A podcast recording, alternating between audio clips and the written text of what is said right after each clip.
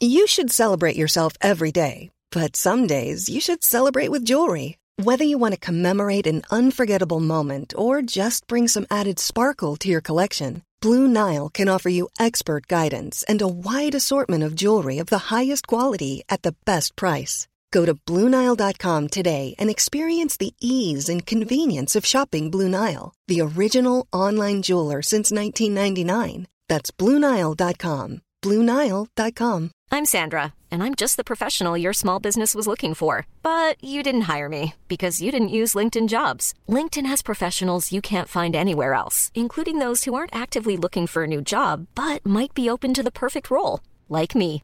In a given month, over 70% of LinkedIn users don't visit other leading job sites. So if you're not looking on LinkedIn, you'll miss out on great candidates like Sandra. Start hiring professionals like a professional. Post your free job on linkedin.com/people today.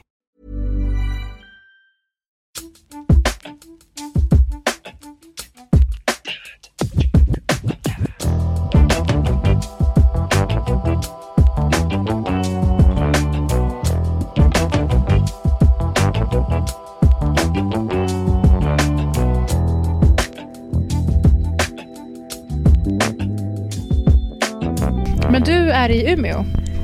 Ja, ja, jag är i Umeå. Hur mycket är igenkänd? Vilken eh, nivå snackar vi av eh, stanna och ta bild? Nej men eh, alltså Parisa, jag har, jag, vi körde hit, körde upp på mammas och pappas uppfart. Har typ tillbringat all tid i huset. Jag har inte ens, jag har inte varit på liksom en enda... Först ska vi bara klargöra att du är alltså uppvuxen i Umeå. Du är en är Umeå-dotter. Det här var din stund att glänsa. Och du vaskar den, är det du säger. Vadå min stund att glänsa? Nej men, alltså. Den, Alltså, sto- den ska- stora återkomsten. Ja, men herregud. Alltså som att jag så här, kör långsamt genom city och vinkar. Jo, jo, abs- Med flit sitter på uteservering. Det är ingen som bryr sig. Vilket jag tycker är tråkigt. Alltså det är knappt att lokaltidningarna bryr sig om om de skriver Mm. någon liten nyhet. Bryr sig knappt om att skriva att jag kommer från Umeå. Är alltså det, är som ingen som, det nej, det är ingen som bryr sig. Att man inte vill att du ska tro att du är något. Att jag är något. Jo, det, det kan det mycket väl vara. Mm, de Och lyckas sen så- ju. Jag har ju, jag har ju Nej, självutplåneriet alltså det är så.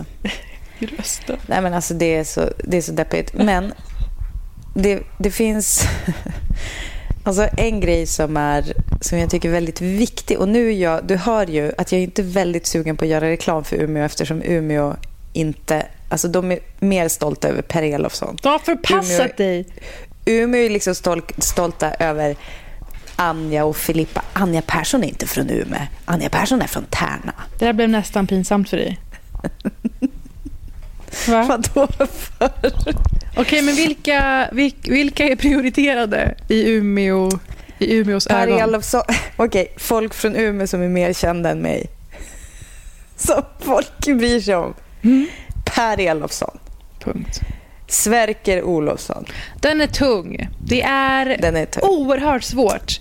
Det är nästan lättare att växa upp i Stockholm där alla är kända på något sätt. Än att behöva liksom Sverker stå Olofsson är- jämförd bredvid eh, Sverker. Ja, Sverker är i och för sig en otroligt fin person så jag vill ge honom det. Ja. Okej, sen har vi ju Sahara Hot Nights, Frida Hyvönen, Mhm.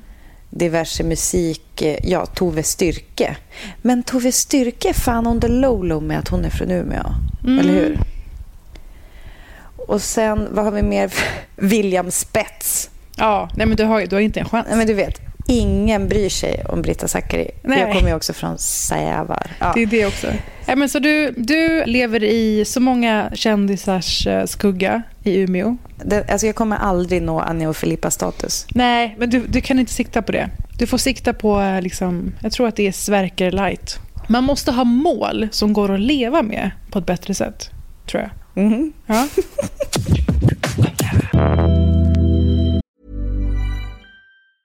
When you're ready to pop the question, the last thing you want to do is second guess the ring.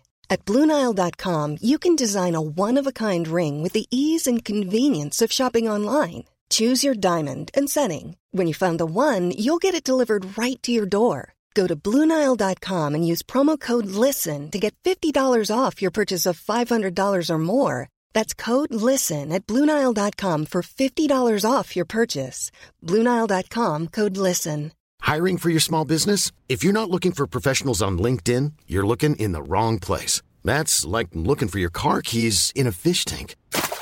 LinkedIn helps you hire professionals you can't find anywhere else, even those who aren't actively searching for a new job but might be open to the perfect role. In a given month, over 70% of LinkedIn users don't even visit other leading job sites. So start looking in the right place. With LinkedIn, you can hire professionals like a professional. Post your free job on linkedin.com slash people today.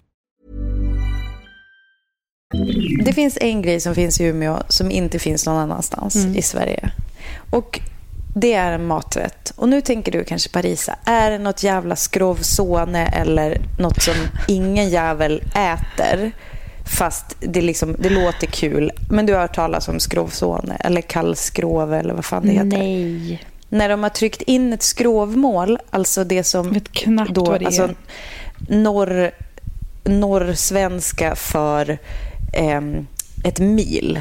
Alltså en, en alltså hamburgare plus pommes plus dricka, tror jag inte. Det här behöver ett eget ord, känner ni. Och det bakas in i en calzone.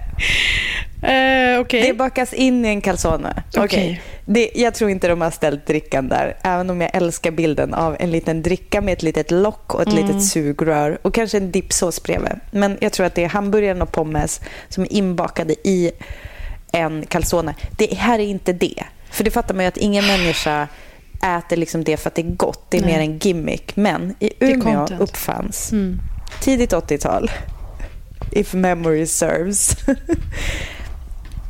en, eh, en rätt som heter rullpizza. Och då tar du alltså en, då gör du en pizza först och den kan du få, du kan till exempel beställa så här rullpizza, vilken är den godaste pizzasmak? Säg. Ska jag kan säga? det vara en capricciosa typ? Ja. Mm, Okej, För med en massa grönsaker på. Det Eh, betyder trädgård? Zucchini, aubergine. Ja, exakt.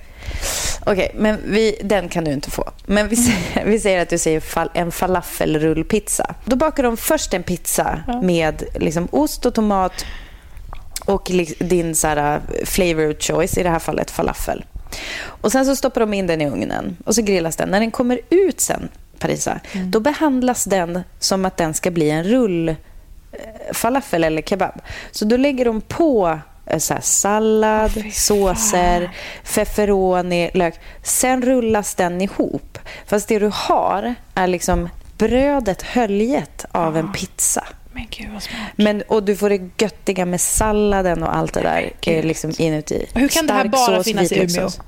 Ja, det är helt... Men det är för det första jävligt sjukt. sjukt. För det andra så är älskar jag sjukt. att optimera mat på det här sättet. Det är ännu mer Ja, ja. näring i en tugga. Jag Men alltså jag, det. jag, brukar, alltså jag brukar beställa det här. Ibland, ibland när jag liksom känner mig stark, då kan jag tvinga folk på typ pizzerior att göra det här åt mig. Men det verkar som att den kanske inte finns längre, vilket är väldigt sad. Alltså de, där, de har liksom renoverat på det där jävla torget och de där vagnarna går inte att hitta. Så det här är en efterlysning. Folk i Umeå, om de vet liksom var original rullpizzavagnen, det fanns två, men det, i den ena var det godare. Om de vet var de är nu, ring mig. Jag svarar mitt i natten. Du ring svarar inte ens när jag ringer. Vad, är det här för Eh, skitsnack? nej, jag kommer inte svara när du ringer. Skriv Om till du, oss på messar, DM. om du skickar mig ett mess Parisa Ja. och skriver jag vet var rullpizzavagnen är, då kommer jag svara. Men nu kommer jag ju börja Om göra det varenda gång jag behöver få tag på Om dig. jag så måste lämna Björn och Essa ensamma hemma för att gå ut och köpa eh, den här rullpizzan. Podden har ju en mycket viktig bemärkelse Nej, som jag tror sluta. ingen, alltså det går ingen förbi. Nej. Och det, är, det, har, upp, det har laddats upp sedan ett år tillbaka. Vilket också, det är fint. Det gör mig liksom lite Mm. nostalgisk att tänka på när vi satt här förra året och Mm. pratade om ditt sista år som 20-something. Ja. Och jag ska vara ärlig. Här kommer det. Jag har varit lite rädd för att peta i det här. för att jag har liksom känt att... Alltså, Va? Nej, men jag har liksom känt att det har varit lite så här, ja men kan vi prata om att corona hände Mm. och jag tror att det var ganska, alltså ganska många kan nog relatera till att det blev lite så antiklimax i... Mm. Alltså dels konceptet, fylla år eller så ladda för någon jättefest och sådär. Men sen också blir det ju en del månader upploppet har ju som också blivit lite så sordin på. Jag vet inte, Helt så här, var det några resor som skulle resas mm. eller var det något liksom, jobb som skulle det var liv som skulle levas. Som inte, ja, men eller hur? Ja. Nej, men så hur, dels, liksom, alltså, hur känns det? Otroligt att du säger nu att du har aktat dig för den här frågan. Som Nej, jag skulle men... kastas ner i liksom för, eh, ska man säga, ohanterlig ångest av tanken. Ja, men du vet. Alltså, jo, men lite så kan det ju vara. Vill... Nej, men så här, jag tror att, jag vet inte vad som var värst egentligen, men självklart ett, um, att skjuta upp det sista halvåret innan man fyller 30 är ja. inte kul. Speciellt inte när föregående halvår gått till att enbart jobba. Egentligen. Precis. Jag har liksom inget minne av att jag gjort någonting socialt typ ett halvår innan februari. När det här började. Va? Det är så sjukt. Ja, mars. Men mm. eh, ja, för det var ju dels det, men sen också att eh, På spåret eh, vinsten andra året i rad blev ja. ett sånt antiklimax för, för mig. Och alltså absolut Gunnar också. Men det ledde ju till att jag skulle göra väldigt många olika saker och eh, du vet också hur det funkar medialt och sådär. Man ska liksom passa på och eh, springa på massa kul uppdrag och hitta massa nya roliga samarbeten och allt det där som inleddes bara tog ett abrupt slut och ett så här, vi får se mm. hur det ser ut i höst och få den slängd i ansiktet när man har ja men eh, alltså jag hade mycket jobb och så innan, jag säger inte det utan det var ju andra grejer som jag också ville göra egentligen. Mm. Och eh, så Det har varit supertrist. Alltså, det kan jag verkligen ge dig. Nu är ju inte jag någon som... Så här... Vänta, ge mig? Nej, men alltså, är jag är en person som inte kanske har nära till att blotta mig. Ska jag säga så? Nej, Ska jag uttrycka jag. det så? um, ja, men det har, det har nog alla ja. lyssnare märkt också. Ja. Men alltså, det var ju alltid från praktiska grejer som körkort och sådär men också väldigt mycket, ja, saker som skulle hända. Det skulle resas och det skulle tas olika steg mot saker. Typ. Um, och jag läste faktiskt igenom den listan jag gjorde till det här avsnittet, fast ett år, ett år sedan. Yes. Och det avsnittet gjordes från ett sånt där kalt, du vet, italienskt hotellrum. Uh, ja. Någonstans på en höjd. Som luktar Sicilien. lite klorin. Ja, ja och uh, otroligt kass AC. Som fick vara avstängd såklart på grund av poddinspelning. Och uh, var du i Taormina då? Jag var i Taormina dagarna innan. Ah. Jag tror att det här var jag okay. i Notto som ligger lite högre upp. Superfint. Mm -hmm. Men jag hade gjort en 30 grejer för 30-ish-lista fast lite utifrån Amy Polars bok. Eh, Say Yes heter den, va? Yes, please. Yes, please. Så har vi det. För eh, ja, jag fyller 3-0 den här veckan. Och mm. jag har ju sagt att jag är 30 sen jag fyllde 29 för att ease in. Hett tips till alla som ska fylla 30. Och jag tror men funkade det då? Absolut. Det känns inte som en icke-grej men det känns inte lika dramatiskt som det hade gjort annars tror jag. Um, och jag hoppas ju på att kunna fira ordentligt längre fram faktiskt. Så det ändå känns på något sätt som att det är en milstolpe. Kommer du ihåg hur du såg på det steget? Om vi säger så? Uff, alltså, jag, jag, tror att jag... För jag mådde inte så bra typ under den tiden i mitt liv, liksom, när jag fyllde 30. Är det sant? Uh, ja. Alltså jag hade så här, men jag var typ utstött på jobbet. Men Britta, här... det här säger mycket tror jag om poddens utveckling. För att jag tror att då så var du inne på att du gifte dig ju när du var 28. Ja. Vilket jag minns att jag då skrek åt. Att det var en mormongrej. Ja, och att du hade en styvson och ett landställe och att du hade sagt till någon att Nej, men efter 30 då tar jag fart.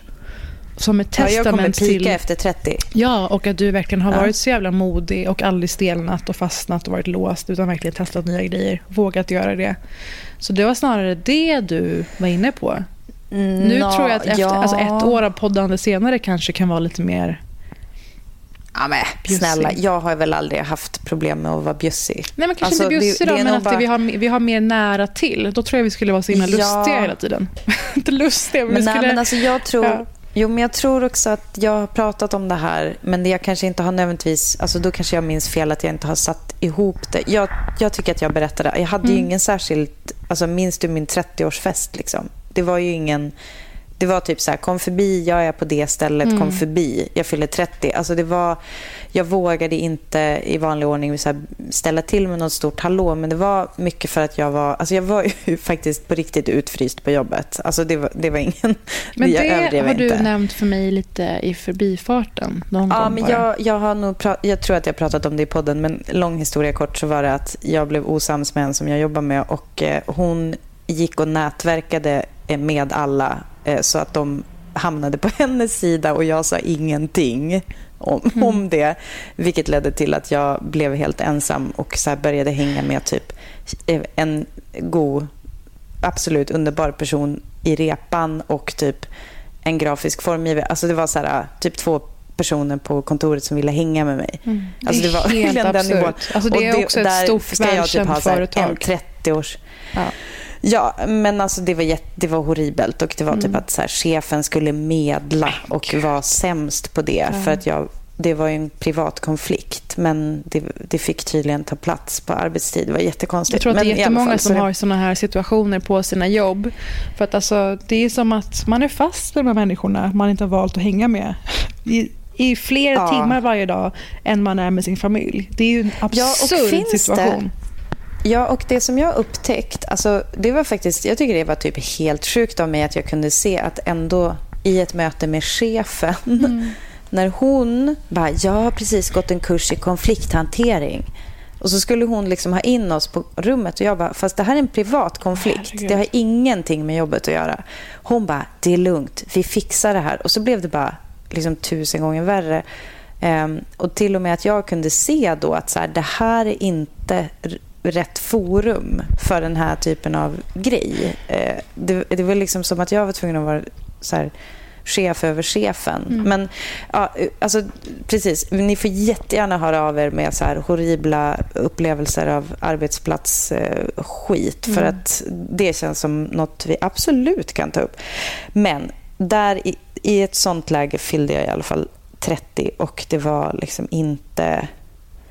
Det var inte eh, min bästa sociala period, om jag säger så.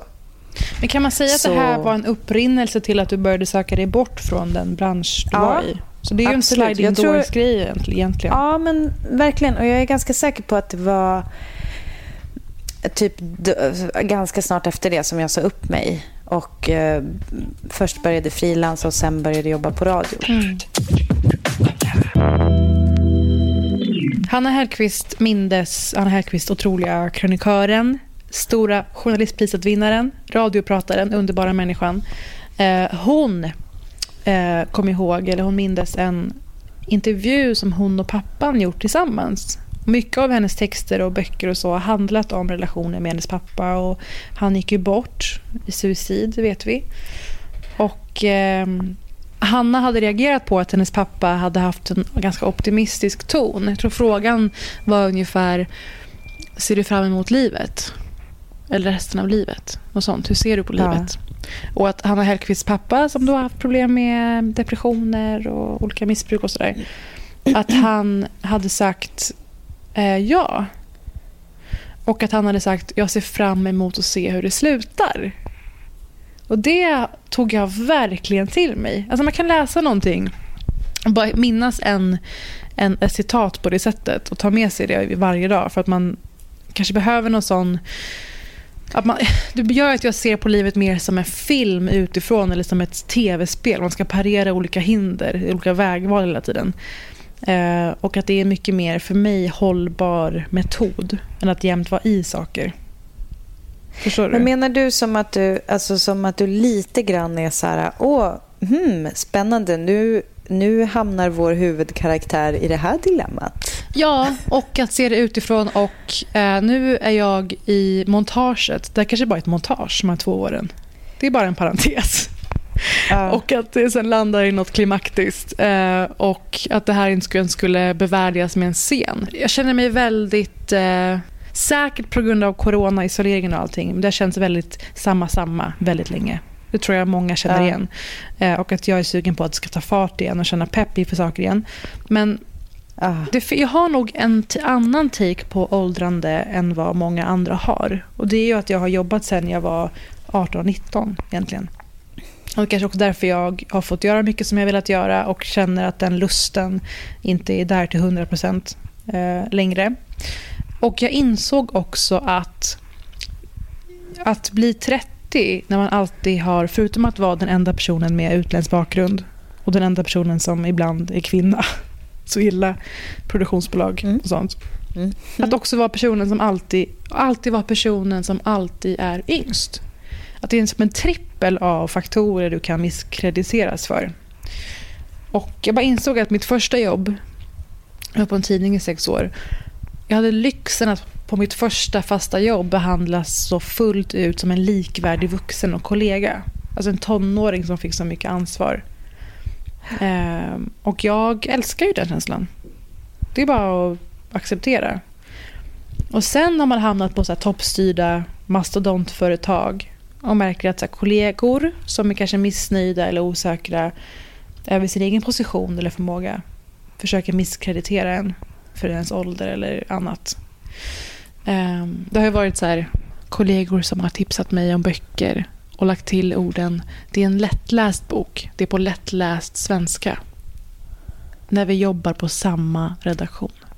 Britta. Och jag tror att jag går Perfekt. in i att jag fyller 30 Men va, och, alltså, den här veckan. Ja. På en redaktion där, där journalister jobbar. Ja. och, och, och det... återigen är bland få kvinnor. Yngst, enda personen av utländsk bakgrund. Uh, ja, men så jag går in i det här att jag fyller 30 nu med en, ett, en förhoppning om att den aspekten, den tredjedelen av den här trippen kanske ska få ta lite mindre energi. Att behöva liksom visa att nej men okej, jag kanske är yngst men jag kan också de här grejerna. Ulla, Britt eller vem fan du är. Som jag har att göra med för tillfället. Mm. Och I den här känslan eh, så plockade jag upp en Gloria Steinem-samling av essäer. Jag har ju nämnt henne väldigt, ja. väldigt mycket, jag vet det. Jag Men vet. det är liksom en stärkande närvaro i mitt liv. Okay? Den här feministiska uraktivisten på något sätt. Som också är med i serien Mrs America på HBO. Eh, och hon är ju 80 plus numera. I den här eh, essän så ska hon fylla 60 och har tankar om det. Jag är ju inte... Yeah. Det känns hela futtigt mot henne att, en, att vara Verkligen. 30 alltså det och ens tänka. Var bra att du insåg ja, det själv. Ja, 100 procent.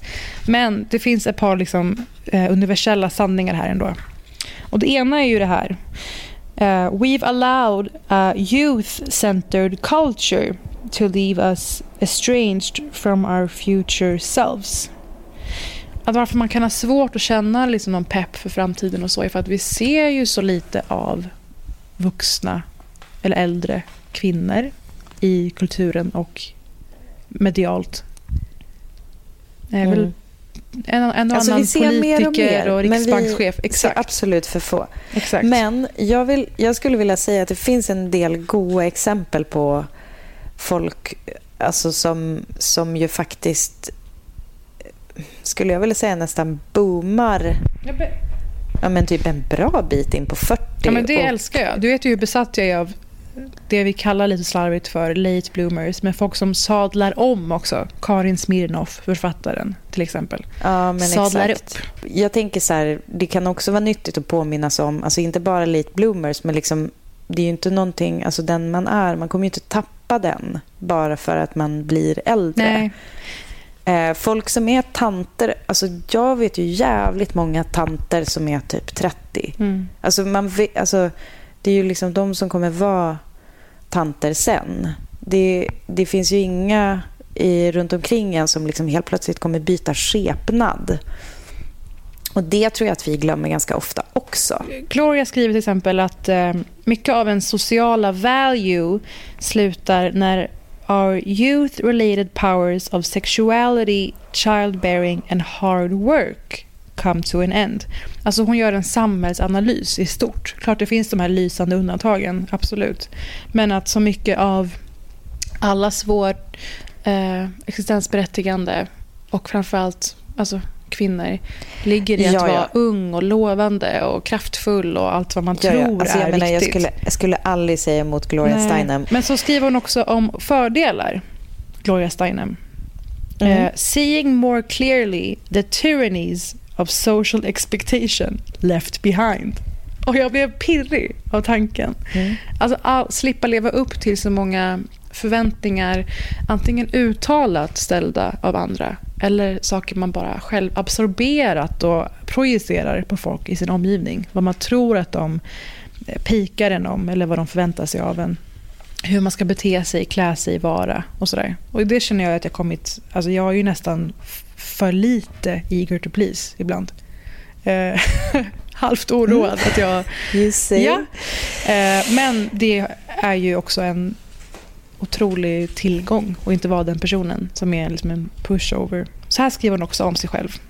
I am more able to use my own voice to know what I feel and say what I think. In short, to express without also having to persuade. Och det landade mm -hmm. i mig på ja. ett sånt läkande, tillåtande sätt. Men berätta, berätta det där, alltså istället för att persuade. Ja, alltså bara att det man säger i sig har en tyngd och en legitimitet ju äldre man blir förhoppningsvis.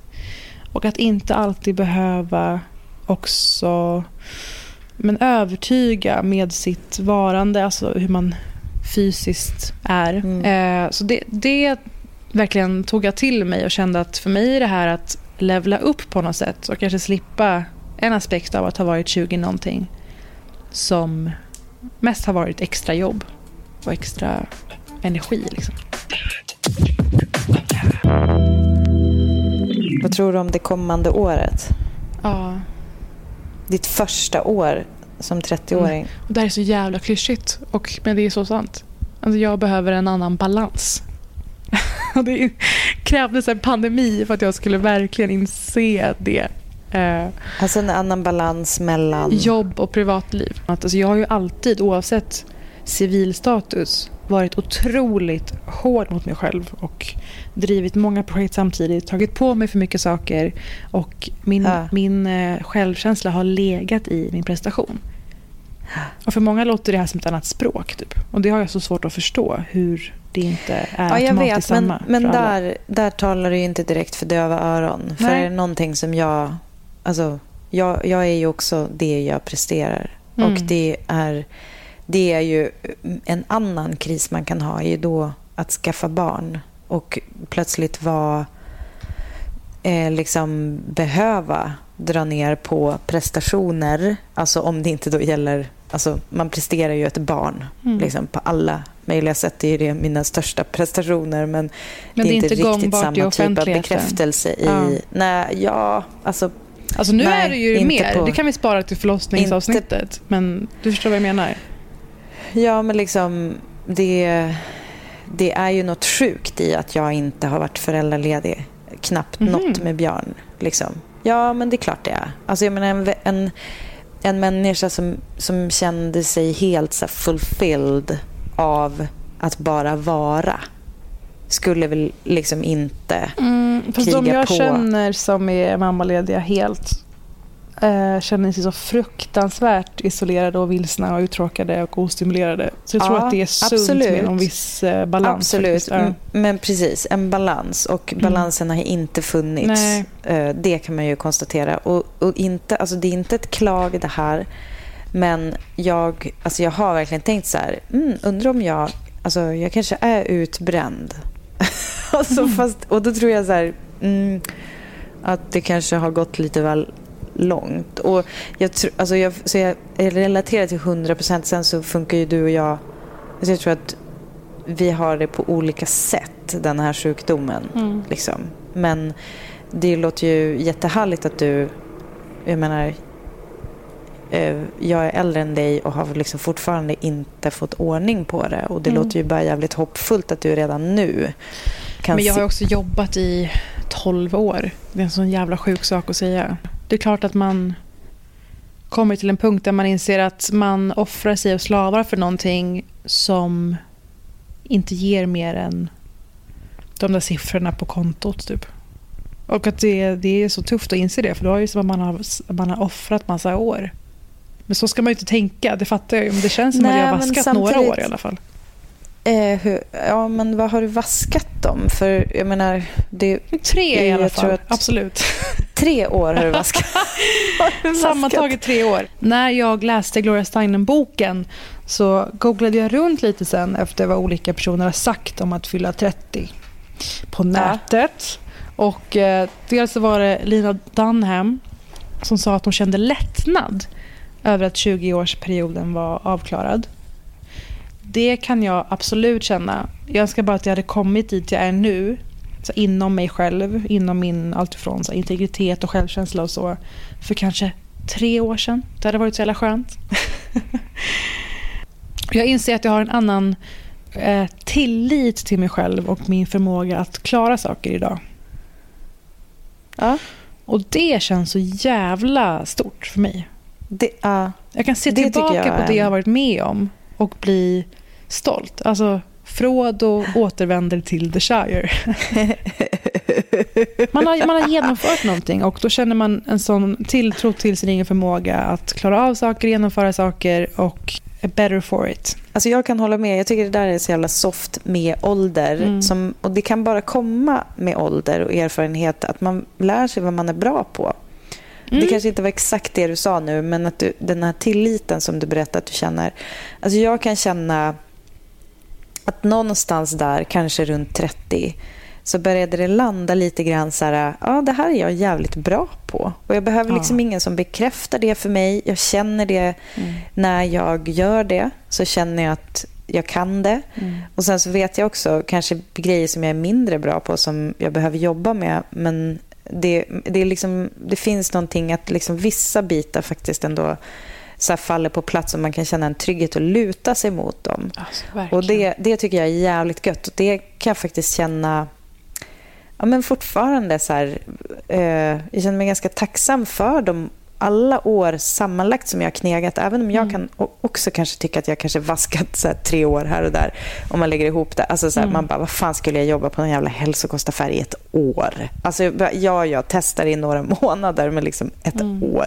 Men då, det är ju ändå saker som kommer med allting leder ju, jag är ändå så pass hippie liksom att allting leder en ju någon vart. Och Ja. jag, jag tror att alla erfarenheter sammantaget formar en och det, om inte annat så ger det liksom bra anekdoter in i nästa grej. En, det bygger på det där trygghetskänslan tycker jag. Ja, på samma tema så säger Michelle Williams, eller sa, I have more confidence that I can handle what life brings me. Att man också går in Ja. i nya situationer med den vetskapen. Man har självinsikt, man vet vad man är kapabel till, vad ens begränsningar är, vad man kanske helst ska undvika att ta på sig i första hand. Och en annan liksom trygghet och ro i sig själv. Man klarar av saker, man är inte beroende av någon. Det är faktiskt en sån jävla tillgång. Och jag så känner verkligen det. Och jag kan känna att jag har levt fem olika liv den här 20-årstiden. Verkligen. Alltså man kan se tillbaka och vara så här, var det där ens jag? Och det kanske inte var jag. Ehm, men jag behövde liksom gå igenom det för att landa någonstans vettigt och hanterbart. Vilket var inte du? Att jag alltid har valt eh, någon slags eh, falsk trygghet egentligen framför att våga testa någonting annat eller någonting osäkert. Och det hänger också ihop med Ja. relationer ju. Att man exakt vad hellre- jag tänkte säga. Det Ja. går nog att applice- applicera på mångas, många som lyssnar kanske känner igen sitt förhållande. Ja, jag har i alla fall man- varit den som har varit dålig på att göra slut. Ja, man dröjer sig kvar för att man vill inte riskera Mm. att någonting värre finns där ute eller att man också har så låga tankar om sin egen rätt till att må bättre eller ha det bättre. Ehm, det är väl låg Ja. självkänsla egentligen, men att man, ja, man tänker så här, men det här är väl det jag kan ha. Och det är så Ja. intressant. Så det, det är många saker som nu känns som totala sanningar. Så hur det än går. Det här är inget framgångssnack. Det här är inte framgångspodden. Jag pratar verkligen bara om att här, vara rustad Alltså det för... ska gudarna veta Nej, att det här är inte det här är framgångspodden. missnöjespodden. Nej, men att, Och nej, trodde ni att det var framgångspodden? Hur? Men att det handlar om att vara rustad för när saker går åt helvete. För de kommer gå åt helvete. Och Det är någonting man vet lika säkert som att det kommer också bli bra igen. Kanske inte lika bra direkt, men det kommer bli hanterbart. Bra. Vet du vad jag gjorde här om kvällen? Nej. I, alltså jag tror för att jag... eh, Ja, men jag har väl lite minikris just nu för att jag, ja, men jag mår typ inte så bra för att jag är typ lite för... Jag har haft lite för mycket under en lång tid. Ja. Eh, vet du vad jag gör då? Vad gör Britta Zackari då? Nej, men då går jag in och... Eh, fortsättning följer absolut, men jag signade upp mig på en kurs på universitetet. Åh herregud. Har vi tagit samma? Har vi tagit samma? Vad sa? Det här är som den här filmen Du, Hall Pass alltså jag- när vad det, Nej, Owen nej, nej. Wilson ska leka eh, collegeunge. Vänta, har du signat upp dig på en kurs? Jag, Alltså, jag har svär, alltså jag kan sätta, jag kan sätta 10 000 kronor Mm. på att vi inte har signat oss på samma kurs. Är det för att din är astral vaginal förmåga? Alltså det var det mest astral vaginal förmåga som lärare, som professor. Oh, Okej. Ska jag, Men jag det ska lära är inom kursen, någonting absolut. som har med eh, personlig förbättring att göra? Eller har det med Alltså timmer att göra? 100 procent inte. Mm. Nej, det, alltså det har... Nej, men det är mer typ en, en barndomsdröm. Men jag, alltså, alltså jag vill verkligen inte... Vi behöver inte gå in på det nu. Och för, alltså det, är som en annan, Mm. det är ett annat kapitel. Du kan bara hinta kanske. Eh, det, har, det har med mitt språknörderi att göra. Kul. Och eh, mitt Mm. har också med ett visst nörderi att göra. Ja, Mm. vilket? Vi får se. Fortsättning följer. Var på tv. Var på tv och vinna frågesporter. Det kan inte vara en kurs på universitet. Inte på Stockholms är universitet. det utbytbart mot högskolepoäng? Maila, mailade jag in. Mittuniversitetet kanske. När det här sänds så har ju du fyllt år. Ja, sjukt. Och eh, Gud, usch, jag fick sån. Ja. jag har därför gjort en, ett quiz. Nej! Har. Rulla Du- signaturmelodi för det var så länge quizet! So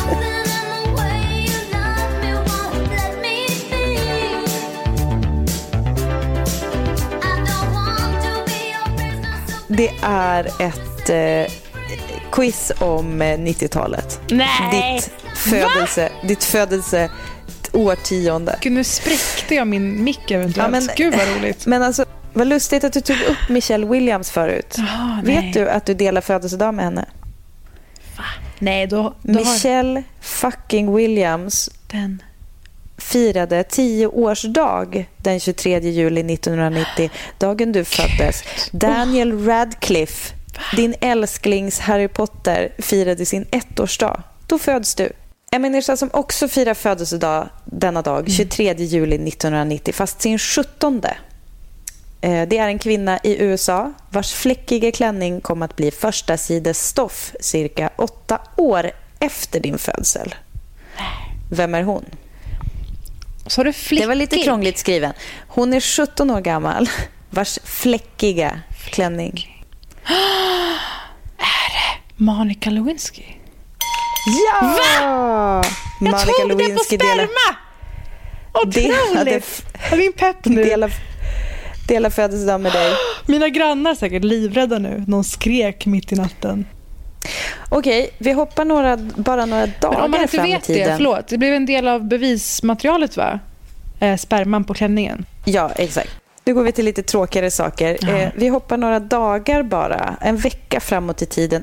2 augusti 1990 Mm. sätter tyvärr ett visst krig igång Mm. Där en viss Operation Desert Storm Mm. eh, gjorde, eh, vad ska vi säga, blev känt. Eh, vad, vilket krig Mm. pratar vi om? Det Ni- osar höll ju. på- Det osar ju Mellanöstern. Alltså det, är, det kriget är mellan Irak och USA-ledda trupper. Mellan Irak Vi kallar det för... Ja, mellan Irak. Men säger det bara. Kuwait-kriget. Kuwait! Kuwait. Shout out Mellanöstern. Kul att ni fick reppa här. Vi, vi håller oss kvar i 1990. Jag hittar bara så mycket kul på det. Vilket blir årets julklapp 1990? 1990. Ehm, 1990, då ska vi, då ska vi säga så här. Eh, jag kan ge dig en ledtråd i vilken härad Ja. det rör sig i. Det är en kulinarisk... En, en kulinariskt Ja, det viktig Nej, det spel. var 2001. Ja, det är Wokpannan! Det var Wokpannan! Jag vet om Ja, att det Woken har var varit någon gång. Det var helt, det var helt bisarrt tyckte jag. gud vad roligt. Gud, vad kul. Gud vad roligt. Fan, vad det Hur kunde du sätta den? Hur Alltså, kunde du sätta den? Jag och Woken, Woken som julklapp, 30 år i år. Det är inte dåligt. Det är inte Jag dåligt. det borde bli årets julklapp bara av den. Alltså för Woken är ju väl... Alltså jag, jag skulle verkligen vilja slå ett slag för Woken. För Woken, Mm. om, det nu är, alltså om vi nu kallar det Wok, alltså när vi fräser lite olika saker vi hittar i kylen Mm. som, är, som kanske blir dåliga annars. Då är, liksom, då är wokandet perfekt. Just det. Inte för att jag har en panna, men vi brukar fräsa i stekpanna bara. Fräsa också. Så Gud vad det går bra för dig. Parisa. Nej, men tycker Två du? Jag poäng. skäms över att det går Ja. så dåligt. Eh, när du var fyra, Mm. 27 september 1994, Mm. sjönk något stort i Bottenhavet och vi fick lära oss en ny glosa. Mm. Nämligen en del av båt som måste sitta skitnoga fast, annars sjunker båten. Vad sjönk och vad var det som inte satt fast? Britta, är du inne på Estonia-trakter? Jajamän. Du drar in Estonia i mitt, mitt birthday Ja, men jag kanske har quiz. fel. Vi kanske kallar det mer... Men men jag, jag ber om ursäkt, vi kanske kallar det mer för Östersjön bara. Vad var det för del på Estonian? Ja, den borde du kunna. Absolut inte. Var inte ens kognitiv. Kognitivt närvarande. Vad år. var... Nej, men... Nej, men du, du har tratt. ändå vunnit På spåret två tratt. gånger. Ja, men inte på sån här kunskap. Nej. Okej, du kommer... Nu, nu säger vi det tillsammans, alla lyssnare också. Bogvisiret. Ja. Under 90-talet så fanns det ett ungdomsprogram på SVT dit ungdomar kunde vända sig med diverse frågor om, kan han, handla om olika relationer, kanske med kompisar, men kanske framförallt om kärlek och sex. Mm. Detta program leddes under en tid av en idag mycket problematisk eh, programledare också. Ehm, vet du vad program... Och, och yours truly har praoat på detta herregud. tv-program. Det här skriker ju Umeå och SVT. Kan det vara det? Nej, Nej. nej. Jag åkte till Stockholm. Nej, men programmet du, Oj, nämner, programmet du nämner måste vara Bullen. Och den programledaren lika problematisk även då. Kan jag skvallra om. Nej, men det måste ju ha varit eh, Martin Timell. Jajamän. Jajamän. Och Cissi Elvin som typ är så här, chef på SFI nu. Ja, riktig boss. Nu vill jag veta. Det här är liksom en lite mer klassisk, eh, alltså basic På spåret-fråga. Ja, Eh, vilket år bildas Europeiska unionen? men sluta. Inte fan vet jag. Ah, låt se. 96. Nej. Vad var det då? 1992 Men sluta. kanske lurade dig med att vi, du trodde vi hade gått vidare djupare in Ja, på lite 90-talet. På din femårsdag lanseras en stor auktionssajt där yours truly absolut köpt en fake Sea Chloé-tröja tidigt Mhm. 2000-tal. Vilken är auktionssajten som är, lanseras? Är det Ebay? Jajamän, poäng! Alltså man är så gammal. Vad hemskt. Finns Ebay kvar ens? Ja, Otroligt. Ebay finns kvar. Otroligt mörkt. Jag, köpte, jag, jag fick Kalle att köpa ett par boots åt mig häromdagen för att jag, jag orkar liksom inte mer där och sitta och buda. Nej, jag Jag tycker att det är det. pissjobbigt. Ja. Ja. Så jävla jobbigt. Okej, eh, jag har en annan fråga Mm. relaterad till detta. Och det är att 1999 så lanserar Sean Fanning Mm. en fildelningstjänst Mm. där man kunde dela olika mp3or Mm. med varandra och således inte betala för sin musik. Vilket ledde till att Sir Elton John Mm. vid det här liksom, tiden ska ha sagt, föreslagit att man borde stänga av internet. Och jag älskar den grejen, alltså det är bara en side-note, men som att det finns en knapp man trycker på och sen är internet nere. Jag Eh, letar efter den vilken knappen varje dag. Vilken fildelningstjänst. Alltså, eh, tiden 99, jag hoppas att det stämmer. Jag tänker att det här är det som också Lars Ulrik, mitt älskade Metallica, ehm, ja, Trummis. trummisen i Metallica. eller? Jag har varit på en del? Metallica-konserter. Är ett Nej men fan. gumman. Jag är ett Nej. fan. Nej, men det är vänta via min nu. storebror. Jag tycker jättemycket om Metallica. Det bara and nothing else matters. Och jag tror att det är... Alltså han piskade upp ett jävla krig mot den här uh, fildelningstjänsten. Och eh, Jaså tror jag blev sams med den här personen eh, publikt för bara något år sedan. Jag tror att det är Napster. Kan det vara Napster? Ja, Det är det det. är Napster. Ding, ding, Ja, det, ding, gud vad man har. Napstrat. Otroligt. Alltså vilken jävla frihetskänsla det var. Oj, Från, oj, oj, jag har bara köpt en singel i hela mitt liv. Fysiskt. Eh, va? Ja, sen dess har jag ju köpt Ja, spelar skivor och sånt, går in på iTunes och bara laddar hem, dundrar in olika Cherry-låtar och sådär. Men var, innan Napster kom så hann jag bara köpa en fysisk singel. Och det är den sista det? och enda. Det var Thoya Thong med R. Kelly. nej. Toja, toja, toja, toja. Vet du, min första skiva var min första CD-skiva, Bodyguard Soundtrack. Du pratar om det, en var person. fan, det är fan en stark. Åh jävlar, det är riktigt jag har kollat på Bodyguard. Nej, men jag har haft eh, posters. Jag har varit besatt av de här. Vet du. Väldigt talande Oj, för alla oj. relationer också. Som tydlig codependency. På din 21-årsdag, den 23 juli 2011, Mm. dör en sångerska av suicid och därmed blir hon sorgligt nog medlem i den mörka, mörka Nej 27-klubben. men gud, ja. Det var så Fem sångerskan. hemskt. Amy. Nej, kommer Det du måste ihåg vara? Amy. Amy Gud, jag fick gåshud över hela kroppen. Nu kommer sista frågan. För vi, vi måste sluta på plus här efter Amy Winehouse. Och då Mm. eh, drar vi in riktigt, ska vi säga, alltså för, för ingen tror jag tråkigt ämne på 90-talet. The Spice Girls. Ja. Alltså att jag förstår att jag fick uppleva det. Det var ogenerade dansuppträdanden på fritids. Absolut.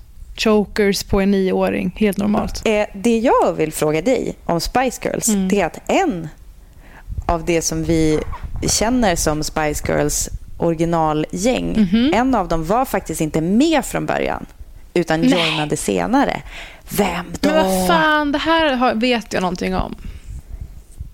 Det var liksom, det var, det var ju ett väldigt, ihop- det var väl han typ Simon Fulla? Mm. Men kan eller det vara? Jerry? Nej, det var Nej, inte det var Jerry. inte Jerry. Men jag fick för mig att de, de behövde en extra spice.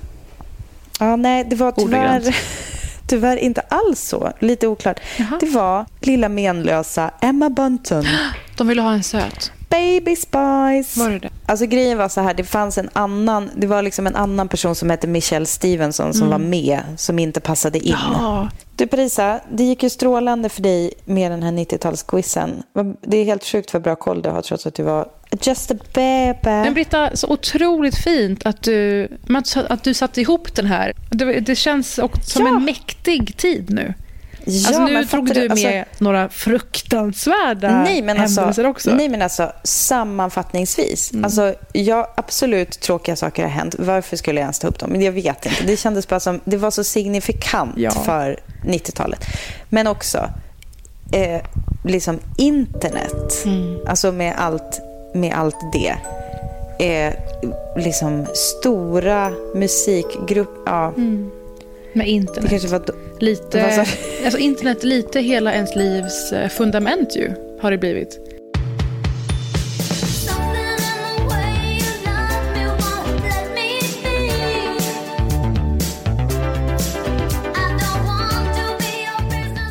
Baby. Grattis Parisa på din 30-årsdag. Du, är, du kommer eh, för evigt vara den yngsta 30-åringen i Sverige, i alla fall den här veckan. Ja, vad fint.